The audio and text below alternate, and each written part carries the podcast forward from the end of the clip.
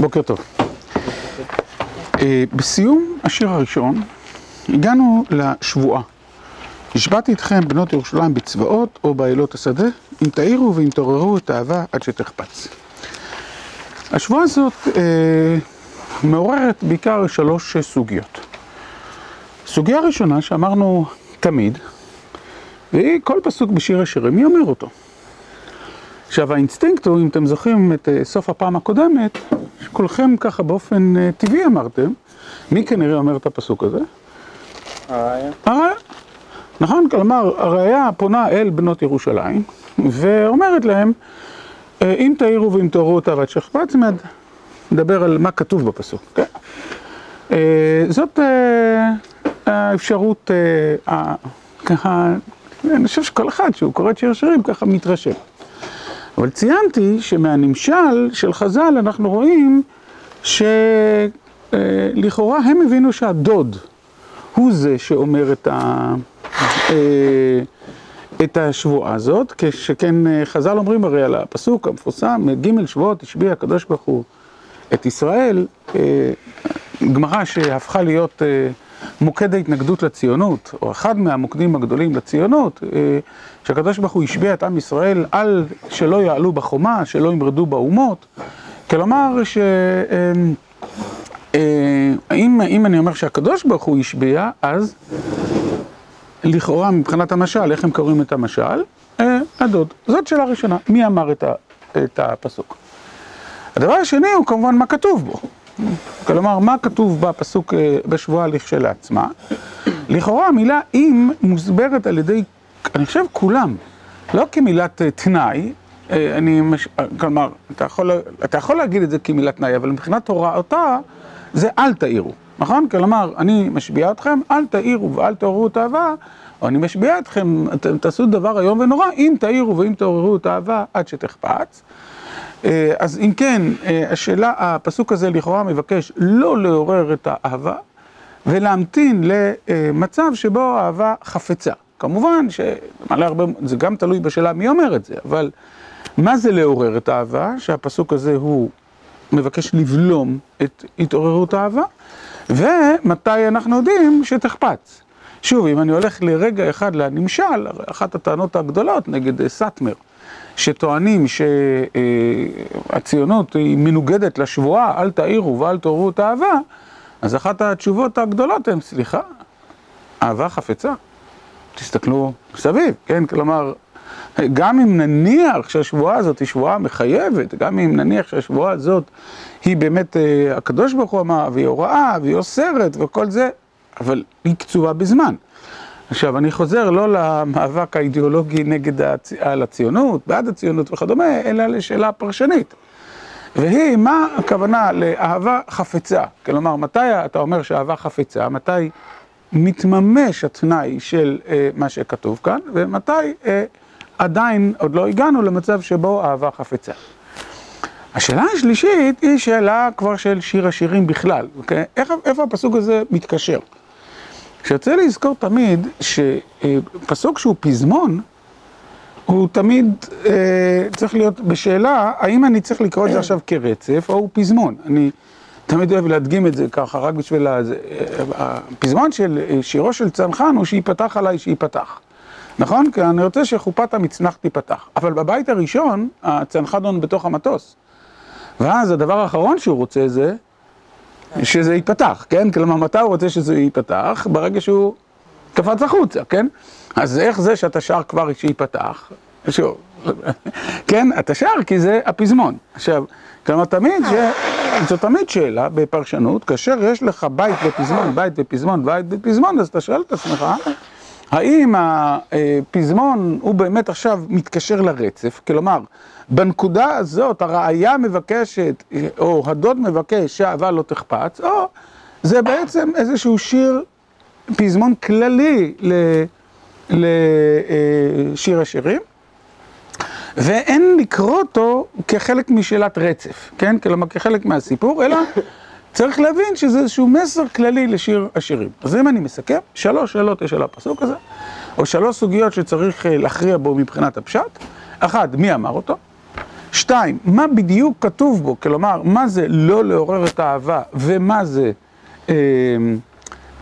מה זה תחפץ, כן? כלומר, מתי מתממש התחפץ? ושלוש, האם הפסוק הזה הוא חלק מרצף סיפורי, שבו מישהו פונה אל בנות ירושלים, אגב, תמיד יש אפשרות שזה לא הדוד ולא ראיה, אלא זה המקהלה או משהו שנמצא ברקע, והוא פונה אל בנות ירושלים, וכאן ברצף הסיפורי אנחנו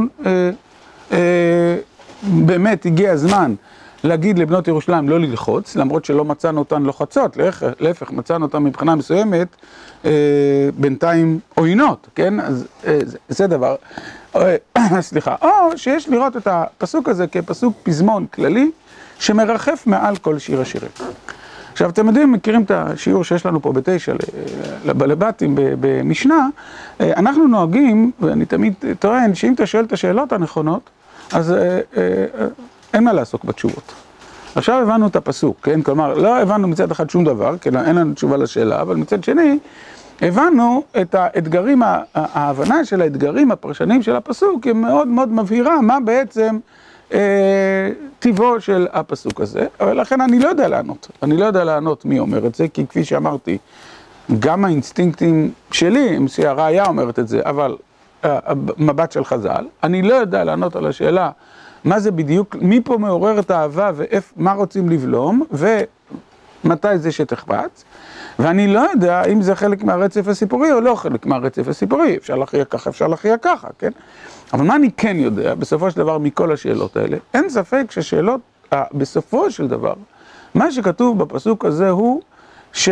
ובהקשרו לשיר יהיה, תהיה התשובה אשר תהיה, אהבה היא מושג שצריך להתבשל, אהבה היא מושג שצריך להיזהר מלעורר אותו, מלדחוף אותו, מזה, אלא אהבה צריכה לבוא באיזשהו מקום שתחפץ. יש הרבה דברים שאני יכול לעשות.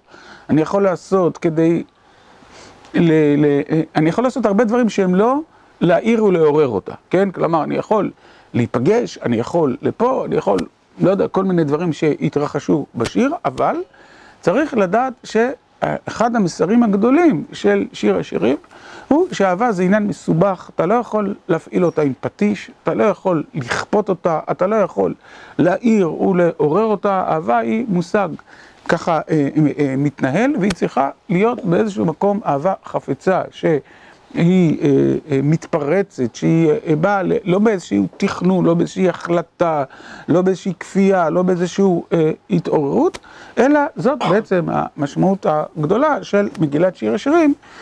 שמלמדת אותנו שאהבה זה מושג מאוד מסובך, מאוד מורכב, וכבר אנחנו רואים את זה, דיברנו על שתי שפות אהבה, דיברנו על שני קצבים של אהבה וכדומה, זה מה שאני כן חושב שניתן להבין מתוך כל השאלות, אם כי כפי שאמרתי, התשובות המדויקות הן תלויות בפרשנים, והאמת היא שכל אחד מהפרשנים פירש אחרת, אם נספיק קצת ללמוד על למה נמשל, אז נעסוק במהו הנמשל, מתי בעצם איזה אירוע היסטורי בתורה, למרות שיש אהבה גדולה, יש עכשיו ציווי לא להועיר ולא לעורר אותה עד שהיא תחפץ, זה בעזרת השם נשמור לנו משהו לאיזושהי תעלומה. אוקיי, תם השיר הראשון, אנחנו מתחילים שיר שני. כל דודי, הנה זה בא, מדלג על הערים, מקפץ על הגבעות. דומה דודי לצבי או לעופר האלים, הנה זה עומד אחר כותלנו, משגיח מן החלונות, מציץ מן החרקים. ענה דודי ואמר לי, קומי לך רעייתי יפתי ולכי לך. כי הסתיו עבר, הגשם חלף הלך לו, הניצנים יראו בארץ, עת הזמיר הגיע וכל הטון נשמע בארצנו. התאנה חנתה פגע והגפנים סמדר נתנו ריח, קומי לך רעייתי יפתי ולכי לך. אני עוצר פה, למרות שזה... אוקיי. שאלה ראשונה שאני כמובן הולך לשאול. מי הדובר? מי הדובר? לכאורה, האם את כל הפסוקים דוברת הראייה? לא, אז זהו, זה קצת מכשיל. למה אתה אומר שלא? בדיוק, כלומר, את כל הפסוקים דוברת הראייה, אבל בתוך הפסוק היא מצטטת בציטוט ישיר את הדוד, נכון? כי כתוב, ענה דודי ואמר לי, מי אומרת את זה? היא, נכון? ואז היא מצטטת את מה שהוא אמר לה, כן? קומי לך רעייתי יפתי ולכי לך. אז כן יהיה נכון להגיד מצד אחד שאת כל הפסוקים האלה אומרת הראייה, נכון? וזה מצד אחד, מצד שני, צריך לשים לב שחלק מהפסוקים האלה הם ציטוט ישיר של, של הראייה, של, סליחה, של דברי הדוד, שהראייה מצטטת את דברי הדוד, נכון? אוקיי. שוב נמשיך הלאה באותו כיוון, מה השפה? של מי השפה פה? צאן. של רועת צאן, נכון? ומה... עכשיו פשט, מה היא, מה היא, מה היא אומרת? בשני הפסוקים הראשונים, כלומר, מה הדימוי שלה? אביב כזה. מה? הגיע אביב. לפני, לפני, שני פסוקים הראשונים, אתה צודק, אבל אני רגע אחורה. פשט, פשט, לא זה. היא אומרת, אני יושבת, אני שומעת את הדוד, נכון? כל דודי, הנה זה בא, מדלג על ההרים, מקפץ אל הגבוהות. כלומר, במקרה הזה פה היא בבית והדוד בא אליה. נכון? הדוד בא אליה, אתם גם תראו. כלומר, במידה מסוימת, זה אפילו הפוך מהשיר הראשון. אם בשיר הראשון היא רדפה אחריו, בשיר השני הוא רודף אחריה. נכון? כל דודי הנה זה בא, מדלג על ההרים, מקפץ אל הגבעות. ואז היא מדמה את הדוד, למה? צבי. לצבי, נכון? או... נכון, בואו נהיה יותר אה, מדויקים, לבמבי, כן? כלומר, מדמה את זה, שמה הבמבי הזה עושה? עומד. עומד מאחורי הכותל, נכון? ומשגיח מן החלונות, מציץ מן החרקים. כלומר, תנסו לדמיין, היא כנראה נמצאת בתוך מקום מסוים, שתכף ננסה להבין מהו. למקום הזה יש חלונות, יש אה, חר, חרכים, נכון? הדוד בא מבחוץ, היא שומעת אותו בהתחלה בא, ואחר מכן היא רואה את הדוד הסקרן מסתכל פנימה, נכון? משגיח, דומה דודי לצבי או לעופר היעלאים, הנה זה עומד אחר כותלנו, משגיח מן החלונות, מציץ מן החרקים. נכון? כלומר, זה הדוד אה, מגיע. ואז הדוד פונה אליה ואומר לה, עכשיו, שהגיע אביב. נכון, שהגיע אביב, קומי לך, רעייתי, יפתי הלכי לך, כי הנה הסתיו עבר, הגשם חלף הלך לו, הניצנים נראו בארץ, עת הזמר הגיע, כל התור נשמע בארצנו, התאנה חנתה פגע והגפנים סמדר נתנו ריח, קומי לך, רעייתי, יפתי, הלכי לך, כן? כלומר, לכי לך, אני חושב שזה יהיה נכון להגיד, קומי לך, רעייתי, יפתי, הלכי לך איתי. כן, כלומר, צאי מהבית ובואו נצא להתבשם מתוך האביב. אביב, כאילו, הטענה שזה אביב זה כדי ש... כי כאילו בחורף פחות יוצאים אז... בדיוק, אז אתה, בדיוק, בחורף יש בוץ וגם אין פריחה ואין... יש... אה, נכון שברעננה יותר קשה להרגיש, אבל גם ברעננה הרגשנו פה את האביב, ולא יודע אם אתם... את אה, ריח העדרים לפני חודש, חודש אה, אפילו ברעננה, כן? ש... אוקיי, תגובתו. סליחה, תגובתה, סליחה.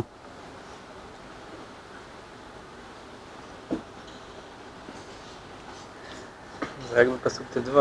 נכון, אין. אין תגובה, נכון? כלומר, היא לא נענית לו. לא נענית, לא מחזירה אס.אם.אס. איך אה, התנ"ך, איך חכמי המסורה מבטאים זה, זה, צריך לדעת את זה, אני לא רוצה כרגע לתת המון המון דוגמאות, אני אתן אחת רק. אחת הדוגמאות, שמו פסקה. בדיוק, הרי לכאורה לא צריכה להיות פה פסקה. אם גם את הפסוק הבא הוא דובר, כן, אה, או, או היא מצטטת אותה, לא צריכה להיות פה פסקה. נכון? אבל אה, חז"ל, אחת הדרכים היפות של המסורה, אה, לבטא בצורה גרפית תהליך אה, פנימי רוחני, זה שתיקה רועמת. איך מבטאים שתיקה רועמת? על ידי העובדה ששמים פסקה פה. כן?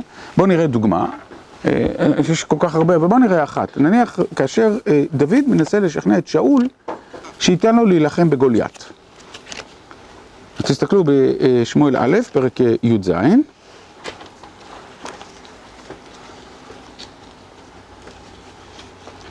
פסוק ל"ג, אני כמובן לא הולך כרגע ללמד את כל הפרק, אלא רק להראות את התופעה הזאת. פסוק ל"ג: ויאמר שאול אל דוד, לא תוכל ללכת אל הפלישתי הזה, להילחם עמו, כי נער אתה, והוא איש מלחמה מנעוריו.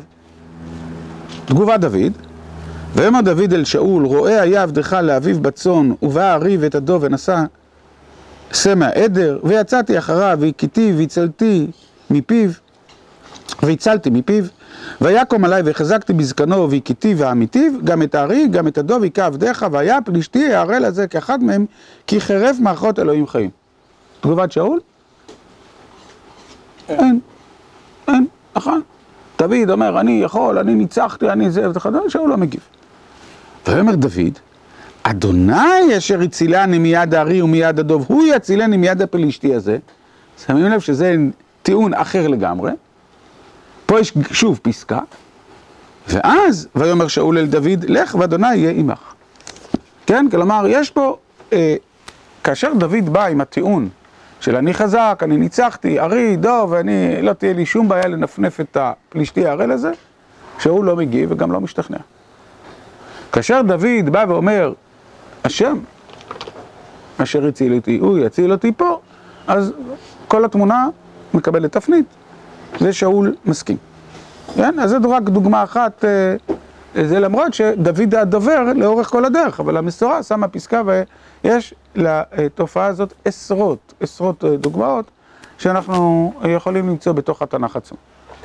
אז אם כן, הראיה, שתיקה רועמת. שתיקה רועמת, הראיה לא מגיבה, נכון?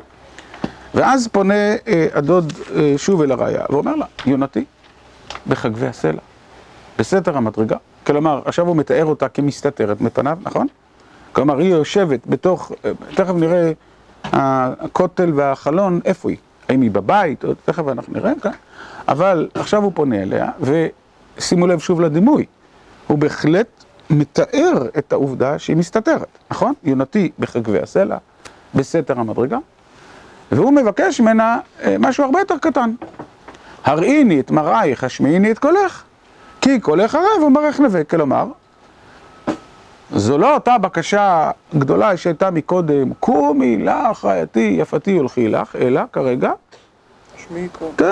תני לי לראות אותך, תני לי לשמוע את קולך. כלומר, לאהוב או לאוהב גדול, הדבר הראשון שהוא רוצה זה לראות את אהובתו, לשמוע את קולה.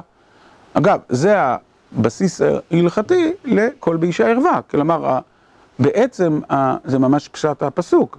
פשט הפסוק הוא שתדע לך לגבי האוהב הגדול, אין הבדל בין לראות אותה, או לפחות לראות, לא יודע אם אין הבדל, אבל לראות אותה ולשמוע אותה, נמצאים על אותו, על אותו ציר, על אותו ציר מכונן, כן, הראיני את מראייך, השמיעיני את קולך, כי קולך ערב, מראייך נווה. כלומר, הוא מבקש הרבה פחות, בוא נראה אם היא תענה לו. כן. אבל אז היה צריך להיות תקף, כאילו אם זה הבסיס ההלכתי זה היה צריך להיות תקף רק כלפי זוג, כאילו אוהבים, משהו. אז השאלה אם הראינית מראייך זה גם נכון לגבי זוג אוהבים, כן? כלומר זה בדיוק מה שחז"ל והראשונים צריכים עכשיו להגדיר. האם זה קודם כל דיבור או שירה, האם זה רק לגבי מי שמכיר אותה או לא מכיר אותה, זה בהחלט גם שיקול שנמצא בהלכה, כן? כלומר, לגמרי, לגמרי, אבל אתה יודע שברגע שאתה עכשיו נכנס לתוך הגדרות משפטיות הלכתיות, אז יש, זה יותר מורכב. אבל אתה צודק לגמרי שזה בהחלט מחייב דיון, ובראשונים זה נידון, שתי, שתי הנקודות האלה נידונות. הן לגבי, מדובר על כל דיבור, או על כל שירה, או על זה, על ההקשר, כן, כלומר, האם זה רק כאשר אדם אומר דברים שבקדושה, שמע ישראל, או בכלל, ועוד כהנה וכהנה. אני רק אמרתי איפה שורש הדיון, לא איפה המסקנה ההלכתית, ככה בשורה התחתונה, הלכה למעשה. תגובתה, החזו לנו שואלים, שואלים קטנים, מחבלים כרמים, וכרמנו סנדה, לכאורה למי היא פונה? היא פונה אליו, נכון? ומה היא אומרת לו? היא עסוקה. אני עסוקה. אני מזכיר לכם, עכשיו נחזור רגע אחורה אחורה לתחילת הקריאה שלנו למגילה, שהיא שומרת, א', שהיא שומרת כרמים, נכון? סמוני נותרה את הכרמים, ואם אתם זוכרים, שאלתי, מה היא מפסידה מזה שהיא שומרת כרמים? כשראינו את הפסוק שם, ראינו שהיא מפסידה שני דברים. א', כרמי שלי לא נטרתי, נכון? כלומר, היא שומרת את הכרמים של האחים ונאלצת להזניח את הכרם שלה. ב', ששזפתני השמש, נכון? כלומר, השמירה של הכרמים, כיוון שהיא מנוצלת על ידי האחים, אז גרמה לה להתקערות. אבל עכשיו אנחנו מגלים מחיר שלישי, והוא שהיא לא פנויה, היא במשמרת. עכשיו, לא ברור, וזה גם, גם בחז"ל, לא ברור האם זה אמת או תירוץ. כלומר, האם זה איזשהו תרגיל התחמקות, או שזה באמת, נכון, נחזו לנו שואלים שואלים קטנים מחבלים כרמים מחומנוס מדר, ו... אבל בין כך ובין כך, לכאורה, היא אומרת לו, אני לא יכולה לבוא, אני לא פנויה, אני לא זה. ומצד שני, דבר שכבר דיברנו עליו, שכל פעם במקום שיש סירוב, היא גם רוצה להגיד שהיא רוצה אותו. כלומר, היא... ולכן זה עוד יותר מחזק את ההנחה שבאמת, לא מדובר פה באיזשהו תרגיל התחמקות, לא מדובר פה בניסיון להיות קשה להשגה, אלא באמת שהחזו לנו שועלים קטנים, מחבלים כרמים וחומי נושא מדר. אגב, בהערת אגב, שועלים לא אוהבים ענבים. אז השאלה היא מה זה שועל, כן? כלומר, תמיד מביאים שועל בכרם, שועל, לפחות השועלים של ימינו לא אוכלים גפנים, אז זה סתם הערה, הערה מעניינת בפני עצמה, אבל לענייננו, החזו לנו שועלים, שועלים קטנים, מחבלים כרמים וכרמי נושא מדר, ואז לכאורה אומרת לו, אני לא יכולה, ב' דודי לי, לי ואני לא הרואה בשושנים, כלומר, יש בינינו תהליך של בדיקה וחיזור, ואז היא אומרת לא פחות או יותר את מה שהוא אמר לה בשיר הראשון. אם אתם זוכרים שהוא שאל אותה, אחד תראה, סליחה, שהיא שאלה אותו, אחד תראה, אחד תרביץ בצהריים, אז הוא אמר לה, תלכי לחפש. אז אותו דבר, במידה מסוימת היא אומרת לו, גם פה, כלומר, אנחנו לא יכולים עכשיו להיפגש, אלא עד שיפוח היום ונעשו הצללים, סוב דמה לך דודי לצבי או לעופר איילים על הרי ואתר. כלומר, אני עכשיו במשמרת, אני כן רוצה אותך, אבל אני לא יכולה לבוא, ולכן אני מבקשת שאתה... לך להסתובב בינתיים, נכון? כתוב סוב, כן? כלומר, לך לסביבה, כן? ותסתובב, סוב דומה לך דודי לצבי או לעופר האלים, אל הרי ואתר, כלומר, אתה דומה דודי לצבי, לך תתעסק, וכדומה. עד מתי? עד שיפוח היום ונעשו הצללים. לכאורה, עד הלילה, או להפך, עד הבוקר, שאלה מה זה יפוח היום ונעשו הצללים, לא משנה כרגע.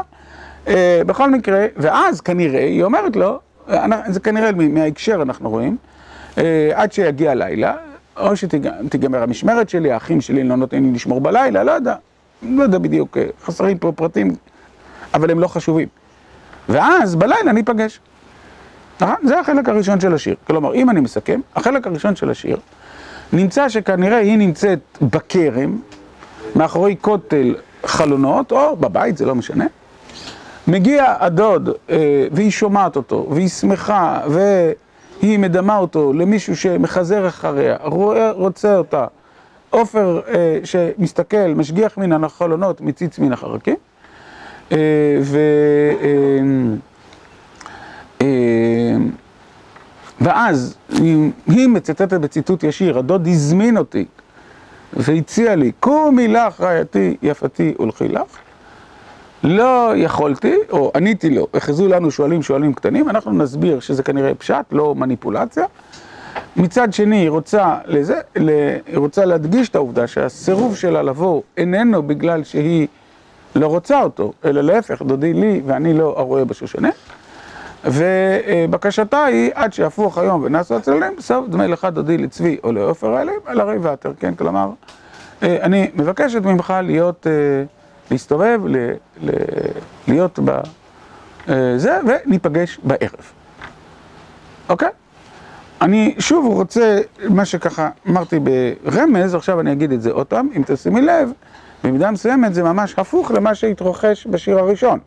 אם בשיר הראשון אנחנו רואים אותה מחפשת ואותו אה, בולם, כאן אנחנו רואים את התנועה ההפוכה, שהוא מחזר, אבל היא אה, בולמת, כנראה אולי בגלל אילוצים, אולי בגלל כל דבר אחר, אבל בסופו של דבר המפגש לא מתרחש. והוא כל כך לא מתרחש, רק נתחיל את ההמשך, נמשיך מחר, הוא כל כך לא מתרחש, עד שכתוב, על משכבי בלילות ביקשתי את שאהבה נפשי, ביקשתי ולא מצאתי. מה אנחנו לומדים מהפסוק הזה? שהיא רוצה, ומצד שני, בלילה, שהיא אמרה לו, נכון? היא אמרה לו, עד שיפוח היום ונעשו הצללים, מה קרה בלילה? הוא לא חזר. הוא לא חזר, כן? כלומר, הוא לא חזר, זה עדיין בקטן, כולכם מכירים את המשך שיר השירים, יהיה מקום שהוא עוד יותר לא יחזור, דודי, נכון? כלומר שהיא סירבה לפתוח, פשטתי את כהונתי, איכה אל בשינה, רחצתי את רגליי, חתן פם, ואז הוא לא חזר בגדול, נכון? דודו, דודי חמק עבר, נפשי ויצא ודברו, והיא צריכה עכשיו לגייס את בנות ירושלים, אם תמצאו את דודי, מה תגידו לו, שחולת אהבה אני, אבל זה עכשיו רק כל, כל מה שהתרחש בשיר השלישי, שהיא לא נענית אה, לדוד, מתרחש בגדול, מתרחש עכשיו בשיר השני, כאן בקטן, נכון? והדבר הזה מתרחש הרבה הרבה יותר בקטן, והיא אומרת לו, ובסופו של דבר הוא לא מגיע בלילה, והיא אה, נמצאת על משכבה בלילות, ביקשתי את שבע נפשי, כן? ביקשתי אה, ולא מצאתי. זאת אומרת,